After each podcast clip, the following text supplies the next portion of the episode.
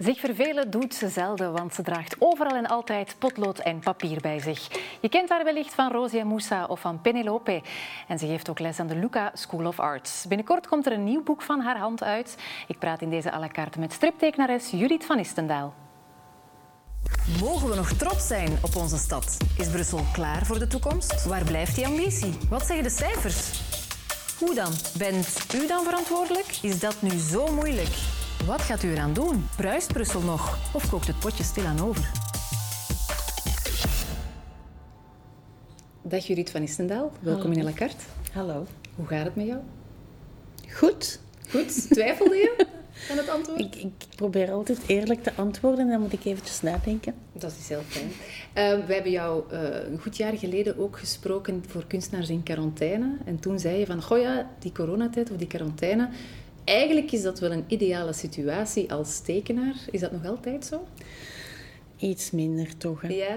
Ja, ja. In het begin vond ik dat geweldig, want ik had heel veel tijd om te tekenen. En ik werd niet afgeleid, maar um, ja... Uh, de onderhuidse stress in de samenleving vreet ook aan striptekenaars, denk ja, ik. kwam toch je atelier binnensluipen. Ja. ja. Want je bent af en toe ook gaan wandelen, hè? Uh, Heel veel zelfs. Ja, uh, hoe heb jij Molenbeek beleefd uh, het afgelopen jaar?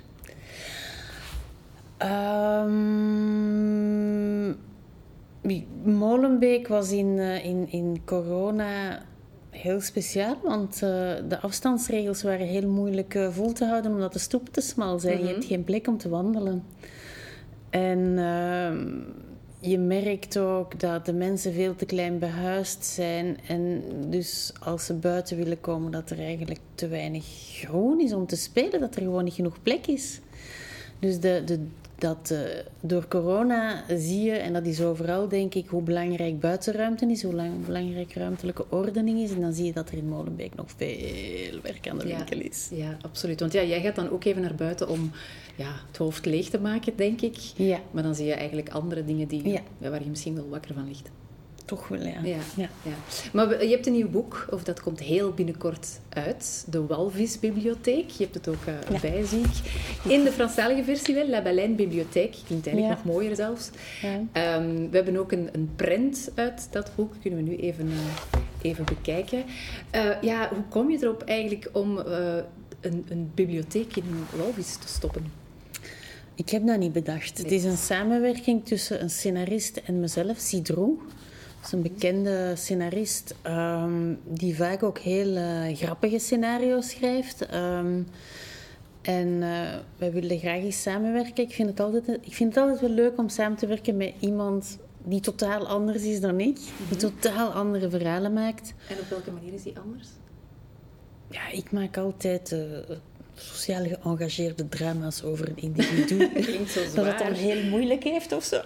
En uh, Zidro is gewoon een steengoede scenarist die alles kan, alle genres denk ik ongeveer kan uh, bespelen.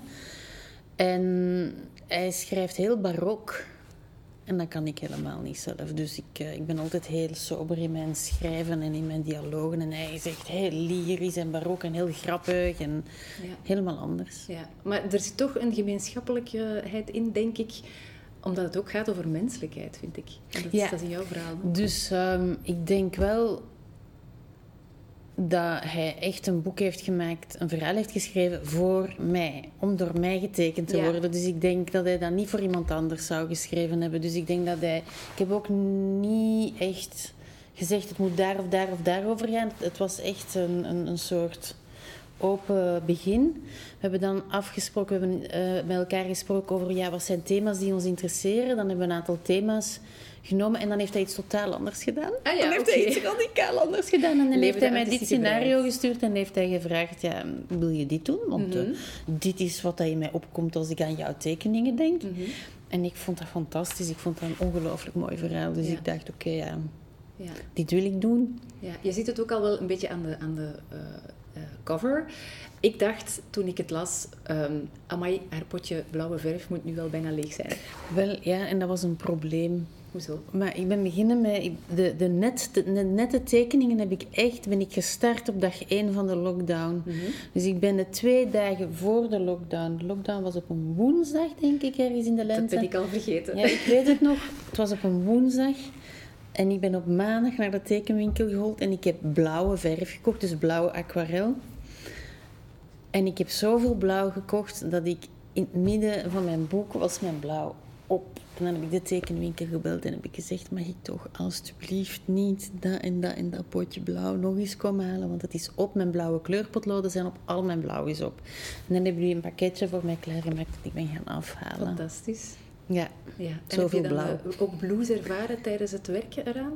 niks. Niks? Was het een fijn proces? Het was een ongelooflijk, en dat is bij mij heel vreemd, het was een ongelooflijk plezier om te tekenen.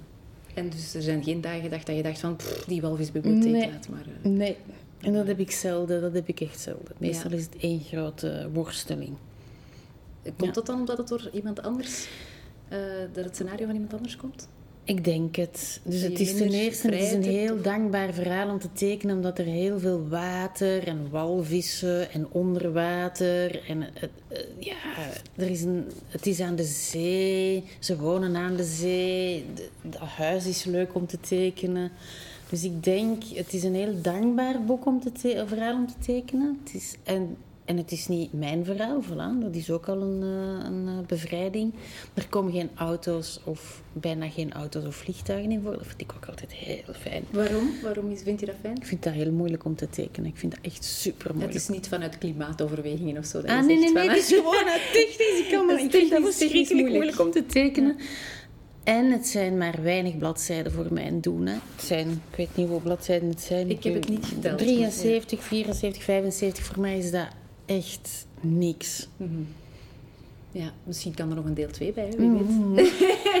nu, nu je toch genoeg blauwe verf hebt Ja, thuis. ja, die is terug op. Ja. Wanneer, wanneer ben je eigenlijk tevreden met je werk? Met dit is het dan vrij goed gegaan, maar ik weet dat je ja, vaak worstelt met dan, of dat het bijna een bevalling is, zo een nieuw boek. Wanneer zeg je van, oké, nu is het genoeg? Ehm, meestal is het begin een worsteling. Heel het, het concipiëren van het boek, het bedenken, het, de schetsen vooral. Dus het tekenen, het beginnen tekenen is echt heel moeilijk voor mij. En dan tegen dat het boek naar zijn einde toe loopt, gaat het heel erg vlot. De laatste 30 pagina's gaan super vlot. En ik weet gewoon, dan zit ik in een flow en dan voel ik intuïtief, nu is het Ja, goed. Dit maar je is moet het. eerst in die flow geraken. Ja, en natuurlijk. dat duurt bij mij heel lang. Ja, en wat helpt er dan om jou in de flow te brengen? Elke dag werken. Elke dag tekenen. Zijn er dagen dat jij je potloden niet aanraakt? Ah, heel veel dagen, veel te Toch? veel. En dus dat is niet goed eigenlijk, dat is niet goed. Dus daar moet ik eigenlijk een beetje strenger zijn. Ja. Want ik moet niet- natuurlijk niet alleen tekenen, ik moet ook scenario's maken, ik moet ook dialogen schrijven, ik moet eh, informatie verzamelen, ik moet... ja, er eh, komt ook wel research bij ja, kijken. ja, ja, dus dat is niet alleen maar tekenen. En strip maken, dat is veel breder. Ja, ja, heel veel Mensen denken dat- structureren ook. Ja, En- mensen denken dat dat heel veel tekenen is. Maar tekenen is eigenlijk een onderdeel om de rest te kunnen weergeven. Maar die rest moet je natuurlijk ook wel bedenken en Ja. maken en onderzoeken. Ja. Ja. Je hebt ook wel ooit gezegd van, ik heb het gevoel dat ik voortdurend op mijn bakken ga. Is dat nog altijd zo? Heel erg, ja. Waarom? Of is dat gewoon een onderdeel van het proces misschien? Bij mij denk ik wel, ja. Ondertussen weet ik dat. Hè. Ondertussen weet ik, ik begin een nieuw boek en alles mislukt een half jaar eh, lang. Totdat ik een soort tekensysteem heb gevonden en of een vertelsysteem en dan werkt dat. Ja, dat Maar elk boek denk ik, ik kan niet meer tekenen. Je denkt dat elke keer... Van, ja, dat, is ook tekenen. effectief. Ik moet dan dingen tekenen en dan kan ik dat niet. Nu moet ik speciale boten tekenen. Ja, ik, ik krijg die niet getekend. Ik moet 20 roeiers in een boot tekenen. Teken is 20 roeiers in een boot. Ik, ja, ik weet zelfs niet hoe dat een roeier roeit. Dus dan moet ik eerst beginnen kijken, oké, hoe roeit een roeier? En dat dan 20 keer in perspectief en achter elkaar. En is gewoon moeilijk. Ik vind dat gewoon allemaal heel Het moeilijk. tekenen is moeilijk, maar het is wel, je, je doet het wel elke keer. Hè? Want jouw Ja. werk is ook best wel autobiografisch. Er zit altijd heel veel van jezelf in. Ja. Dat is eigenlijk kwetsbaar, hè? want je toont een stuk van jezelf via je Ja. tekenwerk. Eh, is dat niet gewoon heel dapper? Of ervaar jij dat niet zo? Ik ervaar dat niet als heel dapper, nee. Nee, dan nee, zeg ik dat, is gewoon dan zie ik dat tegen doe. jou dat dat heel dapper is. En hier zit niks autobiografisch in, hè. niks, niks, niks. Hè. Nee, dat liefde gewoon- voor boeken Ja, de liefde voor boeken, ja. Mijn boekenkast. en liefde voor water misschien Ja. ook. Ja, ja, absoluut. Ja. Ja. Water. Kan je er eigenlijk van leven, van striptekenen? Of strips maken? Ehm, net. Ja. Ja. Maar ik krijg ook een beurs van de Literatuur Vlaanderen. Die vraag ik elk jaar aan. En dat zorgt ervoor dat ik echt een inkomen heb. ja. Maar de zonder die beurs zou het wel heel, heel schraal zijn. Ja. Want je geeft ook les hè, aan de Lucas School of Ja, Arts. ik Eh, geef je les, ja. leidt daar eigenlijk de toekomstige stripmakers mee op. Een stukje, ja. Hoe bereid je hen voor op het leven als stripmaker? Ehm, Kan je dat eigenlijk überhaupt?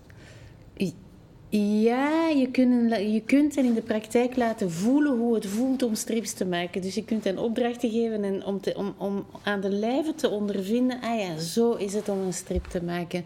En de, veel studenten komen binnen en denken dus dat strip maken alleen tekenen is. En moeten dan tot hun schijn en schande bes- vaststellen dat dat ook heel veel vertellen en schrijven en Ja, het structureren is een is. verhaal maken Ja. natuurlijk. Ja. En ze, ze moeten ook vaststellen dat je heel goed moet kunnen tekenen eigenlijk. Omdat je toch altijd dingen moet tekenen die je nog nooit getekend hebt of die je niet Zoals goed kan. 20 of- roeiers. ja, zoals twintig roeiers in een, eh, in een, eh, in een kano. en dus eh, je leert hen eigenlijk over die drempels heen te stappen. Dat is wat dat ik probeer. Hè. Ik bedoel, ik denk dat iedere leraar dat anders doet. En ik probeer hen ook een, ehm, een eh, professionele blik naar hun eigen werk toe aan te nemen. Dat te leren zien, dit werkt niet, dit werkt wel. En ook te durven als het niet werkt opnieuw te beginnen. Ja, het in de prullenbak te gooien. Het in de prullenbak te gooien en, en, en durven tegen zichzelf te zeggen: Oké, dit moet opnieuw. En dat omarmen en dat dan doen. Ja. En dat is van het moeilijkste wat er is. Of geen angst te hebben, bijvoorbeeld. Veel ja, want ik kan angst voorstellen, ook. we zitten ook met een generatie de- die in het Instagram perfecte Ja, tijdperk ja. opgroeit. Ja. Hebben zij meer lang, eh, last van, van faalangst? Of, of Nee. merk je dat? Nee. Nee, want ik geef toch al langer dan het Instagram-tijdperk lessen. Ik heb niet dat ze meer angst hebben om te falen. Ik heb niet het gevoel dat er een groot verschil is. Maar je moet wel van een wit blad vertrekken. Hè? Dat is, ja, en dat is akelig, hè. En je, moet, ja, je, je denkt altijd dat je zelf dat werk bent, hè. Want dat komt natuurlijk uit je Ja. handen en uit je blik en uit... Dat Ja. komt uit jou, hè. Dat is iets... Als een kindje, dat komt uit jou en jij bent dat werk, maar dat is natuurlijk niet zo. En die scheidingslijn probeer ik Mee te geven. mee te Ja. geven. Ja. Dat is ook gezonder natuurlijk, want als je kritiek krijgt, dan neem je dat misschien veel te persoonlijk. Ja, niet makkelijk, denk ik. Ik las ook dat jouw zoon de kunstenaar in zichzelf heeft ontdekt tijdens eh, Ja. corona. Ja. Ehm, gaan er dan bij jou alarmbellen, of, alarmbellen af of denk je dan van, doe maar jongen? Ik denk dan, hè? Mijn, mijn dochter studeert wat haar vader gestudeerd heeft. Die zit nu op de VUB en studeert zijn vak. En mijn zoon gaat dan kunst beginnen maken. Dus dat is een beetje vreemd om vast te stellen, maar het zit heel diep bij hem. Dus Ja. ik denk, oké. En dus ik probeer hem nu al te, te zeggen... Ze gaan je vragen dingen te maken die je niet gaat willen maken. Je gaat opdrachten krijgen om dingen te... Om, om, om, hij, hij is heel erg bezig met sculpteren en met beelden maken. Ze gaan je in de opleiding vragen iets anders te maken dan wat dat jij altijd wilt maken. En dan ga je dat ook moeten doen. Dus ook hetzelfde eigenlijk als bij mijn studenten van... Sta open en, en Ja, probeer maar. probeer. Ja, want experimenteren doe jij ook wel graag. Altijd, ja. Je bent altijd op zoek naar een andere fijn, ja. stijl of Ja. andere grenzen. Of... Ja, dat vind ik fijn. Ja, ook wel belangrijk om te blijven groeien. Ik denk dat dat een beetje afhangt. Je hebt zo Johannes Vermeer die eigenlijk ongeveer altijd hetzelfde soort schilderij maakt en die meesterwerken maakt. Ik denk dat iedereen er anders in is. Ik verveel me als ik te lang met hetzelfde materiaal of Ja. hetzelfde formaat of dezelfde vertelsystemen werk. Dus voor mij is dat een beetje, ja, dat is misschien mijn psychologie. Ja. Ik vind dat leuk om altijd te veranderen. Hoe was jij eigenlijk zelf als student? Kleurde jij binnen de lijntjes? Als student Ja. op Sint-Lucas. Ja, toen Want ik je, heb twee studies gedaan. Ja, toen je leerde tekenen.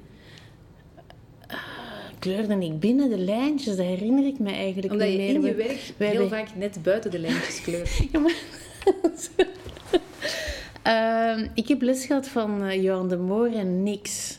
Die zelf zo buiten de lijntjes kleuren en zo rock en roll zijn. Dat daar, ja, die, die willen dat je buiten de lijntjes kleurt. Dus ik denk niet dat ik veel binnen de lijntjes heb gekleurd. Maar ik had niet de ervaring dat dat dan vervelend was of zo. Ja. Herken je jezelf soms in je student? Ja, heel erg hè. En wat Dat dan zijn dezelfde.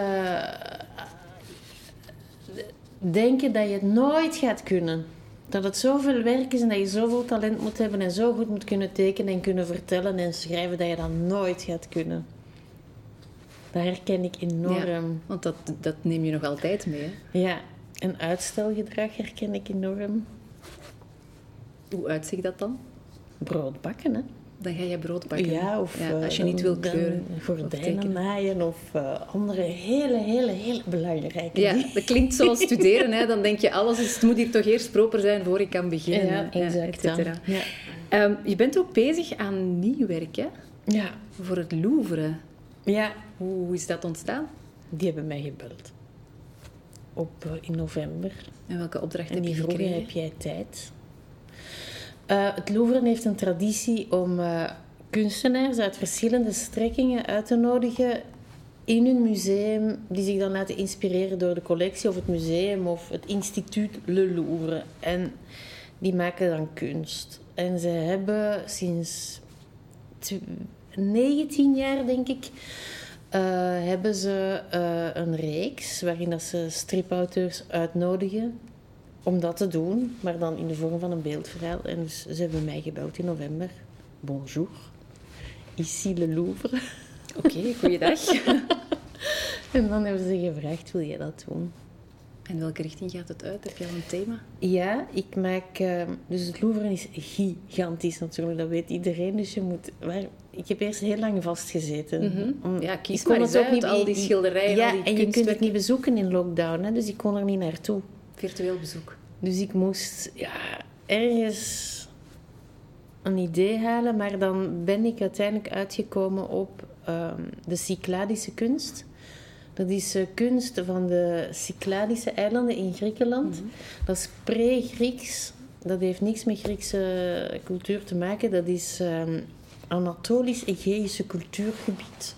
Van 5000 jaar oud en die maken hypermoderne, maakten hypermoderne kunst. Dus dat ziet er uit alsof dat, dat zo'n heel strakke marmeren beelden die er heel, heel, heel strak en modern uitzien. En dus ik maak een verhaal van een Cycladische jongen die ontdekt dat hij kunstenaar is. Hmm, Oké. Ja, en ehm 5000 jaar geleden. En ik koppel daar dan allerlei vragen aan over wat is kunst, wat is geen kunst. Want hij gaat moeten zich helemaal aanpassen aan die cultuur. Hij maakt eigenlijk superheldenbeelden in zijn vrije tijd. En nu moet hij hele strakke, moderne marmeren sculpturen beginnen maken. Ja. En hoe gaat hij daarmee om? Ja. Daarover gaat het. Nieuwe grenzen verkennen. Hè? Ja. ik, eh, ik hoor het graag. Maar eerst dus eh, de Walvisbibliotheek, want dat komt eh, heel binnenkort uit. En Ja. er hoort ook een expo bij. Ja, in eh Huberti en Breinen. En dat is een galerij in, eh, eh, aan de Place Châtelain. En die eh, tonen mijn werk en die verkopen het ook. Alle platen van de walvis en op werk ook uit mijn andere boeken. En dat gaat open vanaf 4 juni. En volgende week donderdag heb ik daar een signeersessie voor de walvis. Oké, dan denk ik dat jij je blauwe balpennen al wel zal klaar hebben liggen Ja, nee. voor de Walvisbibliotheek. Judith van Issendaal, onze tijd zit er al op. Ik vond het heel gezellig. Dankjewel om naar à la carte te komen. Dankjewel. En ook bedankt voor het kijken thuis. Volgende week is staan Lucas.